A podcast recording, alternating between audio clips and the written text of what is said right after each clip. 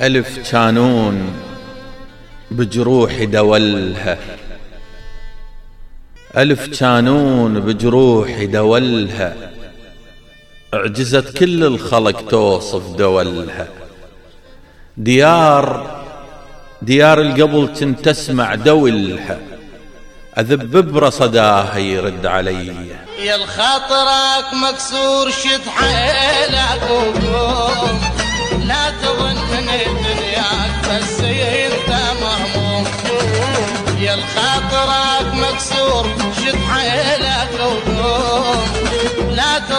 من الدنيا بس انت مهموم.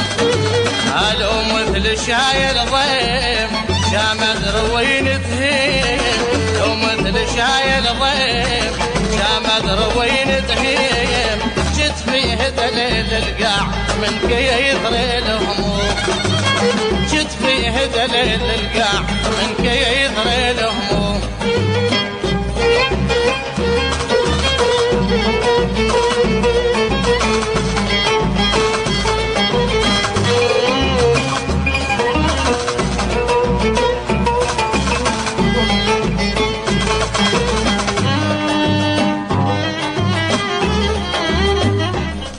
دخلنا إلى أجواء برنامج البنفسج بها الكاظمي في الإعداد والتقديم. عمار مشتاق في الإخراج في التنسيق والإشراف علي وحسين عبد الباقي. إحنا على الهواء مباشرة سواء عبر الأثير وكذلك عبر تطبيقنا بالفيسبوك. مية هلا بكم. انمرت جبد وصار دمي وحيرة بيت.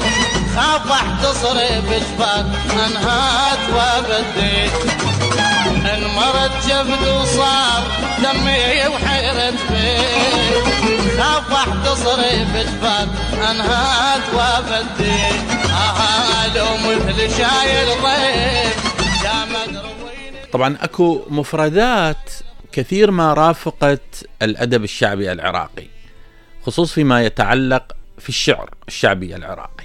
يعني بنروح للقصيدة بنروح للدارمي بنروح للموال بنروح للأبوذية نلقاهن حاضرات مفردات يعني آه، ما يعني لا تكاد أن تخلو قصيدة من عندهن فحبيت أنه اليوم يعني سويت search معين وجمعت آه، معلومات عن بعض هذه المفردات. يعني ترد كثيرا مثلا مفردة الشمات أو الشماتة مفردة العاذل أو العواذل. هذني يعني أرجعتهن لغير حلقة.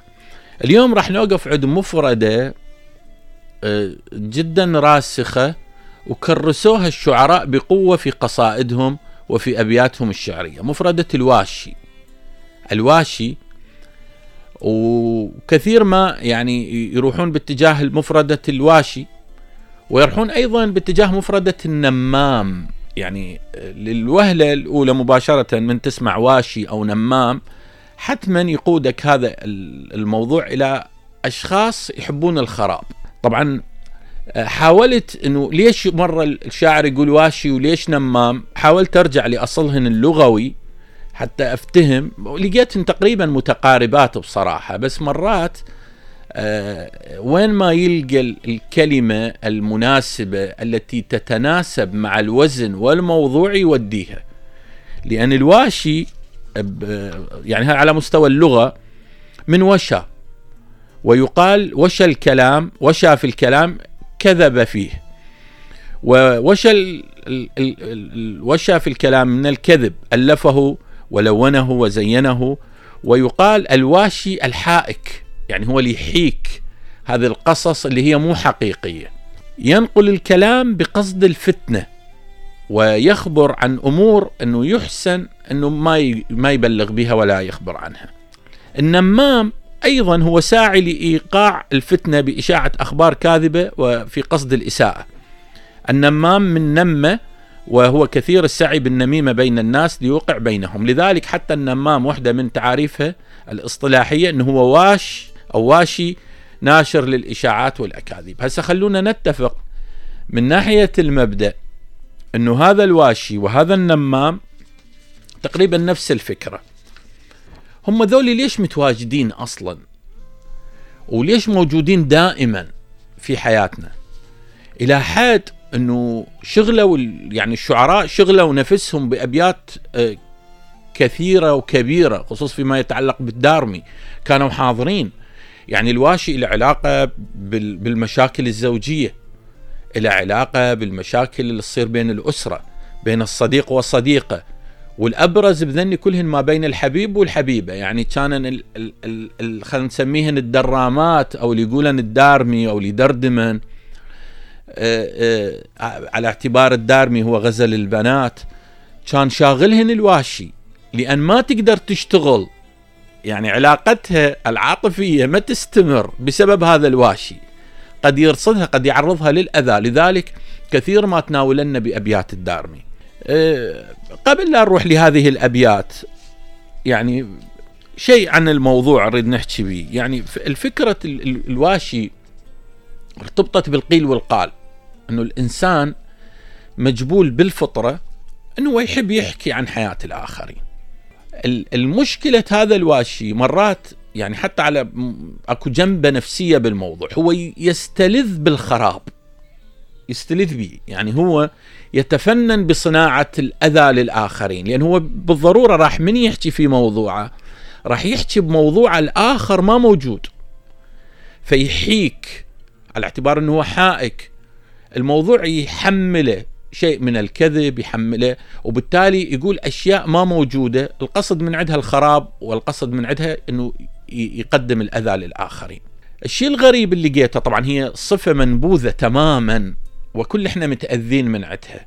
متأذين من عدها. يعني ذول يواجهونك في حياتك اليومية يواجهونك بالدراسة يواجهونك بالوظيفة بشغلك وين ما تروح إنه أكو أطراف معينة تستلذ بالخراب يوصل حكي القيل والقال عند لا يروح ولا يجي.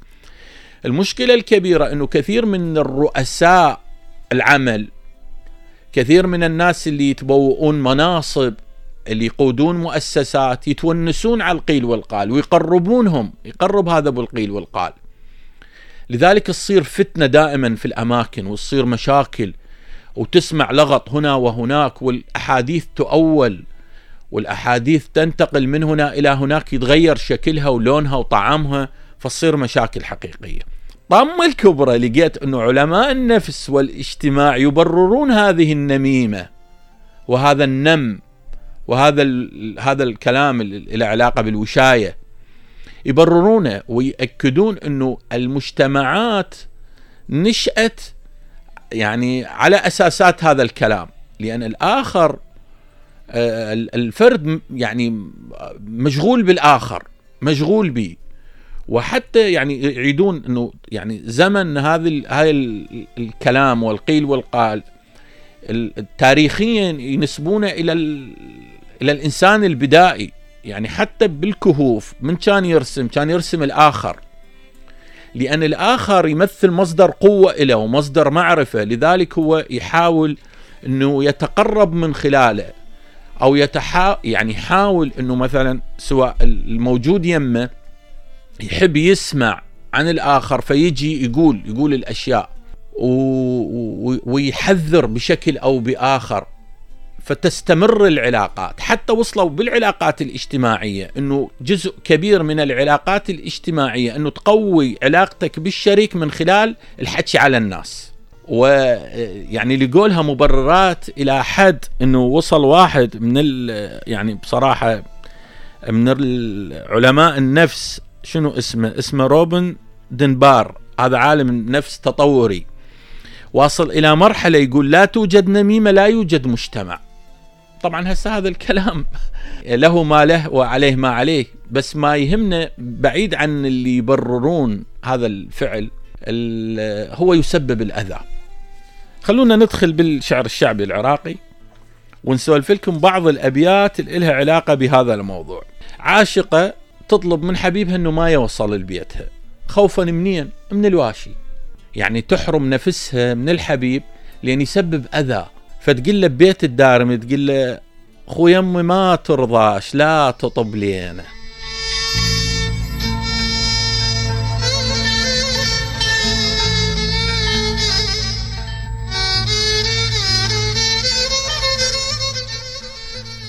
خوي أمي ما ترضاش لا تطب لينا الواشي والنمام يسمع حكينا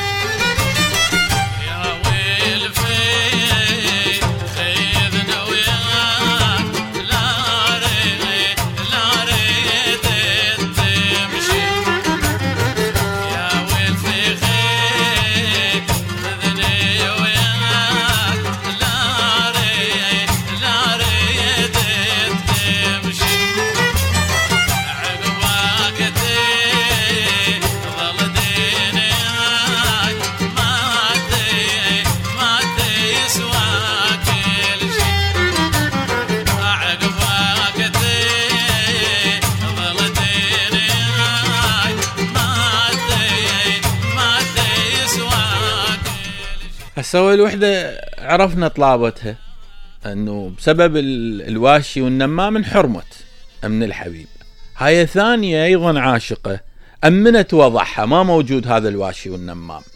لأن هذا من يجيب حكي ويودي حكي يقتلون هالمرة يذبحونها. لذلك انشغلت بنت الفرات الأوسط اللي تكتب الدارمي كانت تتنفس عن يعني عن همومها وعن ال- الجفاء اللي يصير أو البعد اللي يصير بسبب الواشي. هاي تتنهد ترتاح. مرتاحة. ماكو واشي اليوم. تقول لا واشي لا نمام يدخل علي. لا واشي لا نمام يدخل علي. أهلا وسهلا بيك من تطب لي. وصوبني جفنك من نظار شق مهجتي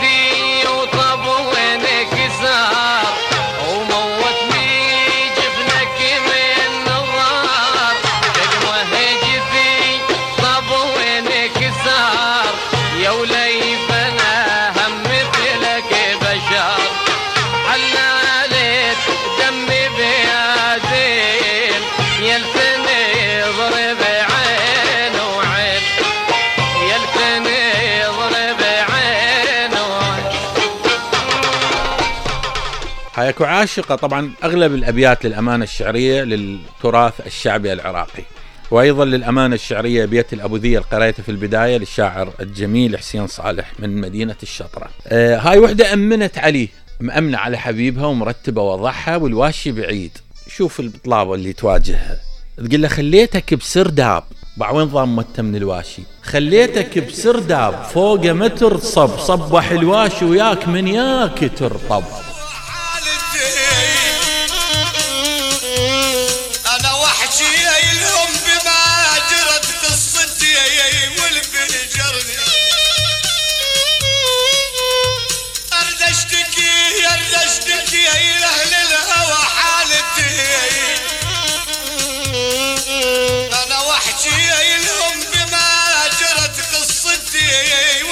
والفجرني هجرني وبسل دمعتي فوق الوجه. فوق الوجه هو السلب راح تحفيد يا أبو شنته قلت له غلاك. هاي وحدة عاشقة أيضا. هم عندها طلابة الواشي. استنفذت كل الحلول فقعدت تدعي عليه. شوف الأذى اللي يسببه الواشي. طبعا هسه كثير من المستمعين ممكن يحيل فكرة الواشي والنمام على شخص موجود في حياته يصادفه يومية. آه، يستلذ بمشاكل الآخرين يوصل كلام لا بفائدة ولا وجزء كبير من يعني على مستوى إحصائيات حقيقة بالمناسبة يعني لقيتها قدامي بس ما يعني حسيتها اوفر تصير نذكر أرقام. آه، يعني إحصائيات كبيرة إنه جزء كبير من حديثنا اليومي ما له داعي. يتعلق بالوشاية وبالنميمة ويسبب مشاكل للآخرين. يعني إذا تقطع تقتطع هذا الكلام اللي نقوله جزء من عنده كبير يعني أو- إلى نسبة مئوية راصدينها بطريقة أو بأخرى. من تمنتجه وتشيلة وتذبة بسلة النفايات ما يأثر على حياتنا بالعكس الحياة تستمر وتمشي. لذلك هذا اللغو والثرثرة تقودك إلى هذه الأماكن توديك للقيل والقال اللي هن يسببن مشاكل للآخرين. صدقوني هواي مش هواي أسر تفككت بسبب القيل والقال. بسبب كلمة تقولها فلانة أو الجيران أو وحدة من الأقارب أو واحد أو ابن عم أو ابن خال يذب له كلمة يطلقون اثنين. يذب له كلمة بنية تنكتل بسبب آه، سمعة أو ما شابه. لذلك هذه الكلمة إيش قد خطر الكلمة؟ عموما. هاي ايسه ظلت تدعي عليه تقول له ريت الله لا خلاك يا واش الغروب.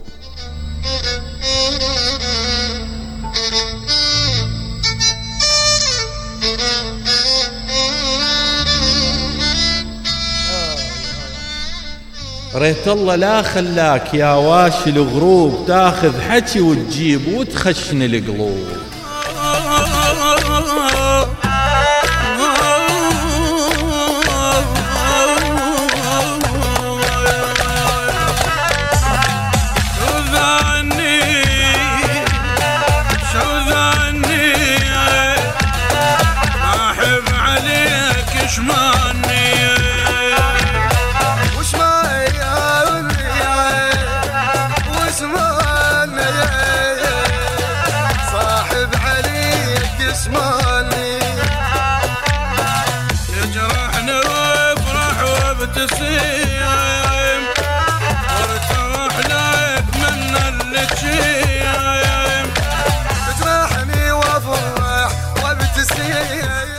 هاي دعت علي ايست هاي أقوى من عدها الثانية. تعرفون مكانة أهل البيت بالنسبة للعراقيين؟ هاي تروح تت... يعني تتنخى بالإمام العباس تريد يخلصها من هذا الموضوع الواشي. فتقول آه، متعنية للعباس اشكي الهضايم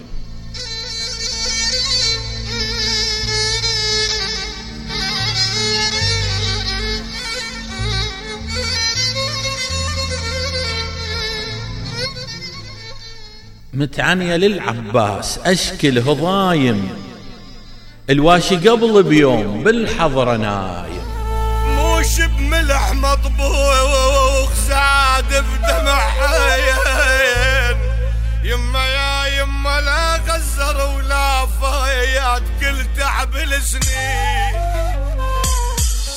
زادوا من شبع غمة رفسها برجله للنعمة. زادوا من شبع غمه رفسها برجله للنعمه.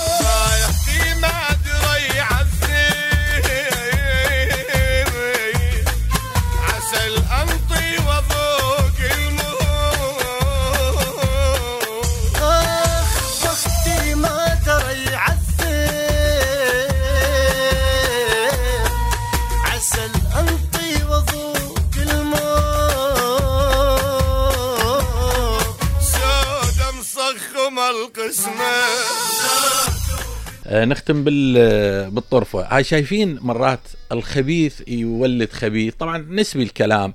الكريم تلقى ابنه كريم. آه هذول اللي يدورون ماكو جماعة الكف الدسم اللي يدورون الفواتح والهذا لول. إي فيورثها لابنه. يعني هو يوديه وهو طفل. فايضا الواشي هنا أيضا أكو شاعر من التراث يرصد لنا هذا الموضوع يوصي ابنه يريد يموت على فراش الموت. فيوصي ابنه يقول له الواشي راد يموت ويوصي بابنه بالك تعوف اثنين وتسوي هذنه. يحكي ويا ابنه يوصيه الواشي راد يموت ويوصي بابنه بالك تعوف اثنين وتسوي هدنه ابنه شي يقول له؟ ابنه متربي صح شايف الموضوع وخابره زين. يقول يا أبويا واسفع ليك وتوصي بي.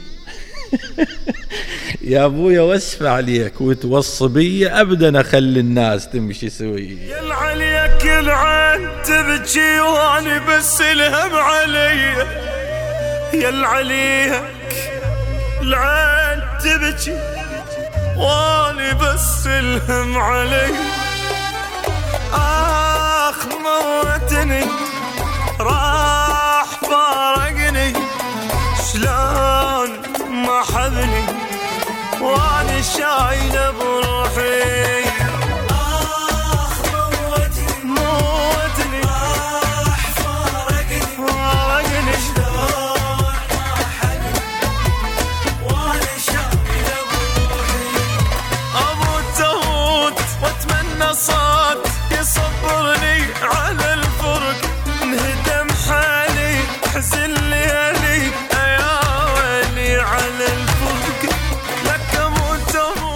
انتهى وقت البرنامج. شكرا لكل واحد استمع للبرنامج طيلة الساعة الماضية. دائما نلتقي على المودة والمحبة والأدب الشعبي العراقي. كنت وياكم بهالكاظمي في الإعداد والتقديم. في التنسيق والمتابعة علي وحسين عبد الباقي. خليت عمار للأخير لأن الختام ويا عمار. لا لا نخلة يا يا يا نخلة. دليلي نص مرد خلص وأنا صفيت بجفاك ومرحمت بي صفيت أنت بعفا وراحة وأنا صفيت أنهطر من ينفخ بنادم علي ذلول الشوق برض الشوق. نخلة يا نخلة. نخلة ولا ساعة من الحسرة. ألوي. وصار حالي عليك كلايع لقب ربنا وقلت للروح ويا نقلة جدم ضعنك صرت كل كبد حمزة وهند بيست بي أنا صرت مثل ليلة بالشام نخلة ثمر للغير وللنوح قبل لا كنت حن لا أون لا هيم جفها وما وسع وانت نزل. هل تجيبوا لي ولف اليوم؟ لا هيم بخلا وما خلكم تطيحون بي. الله.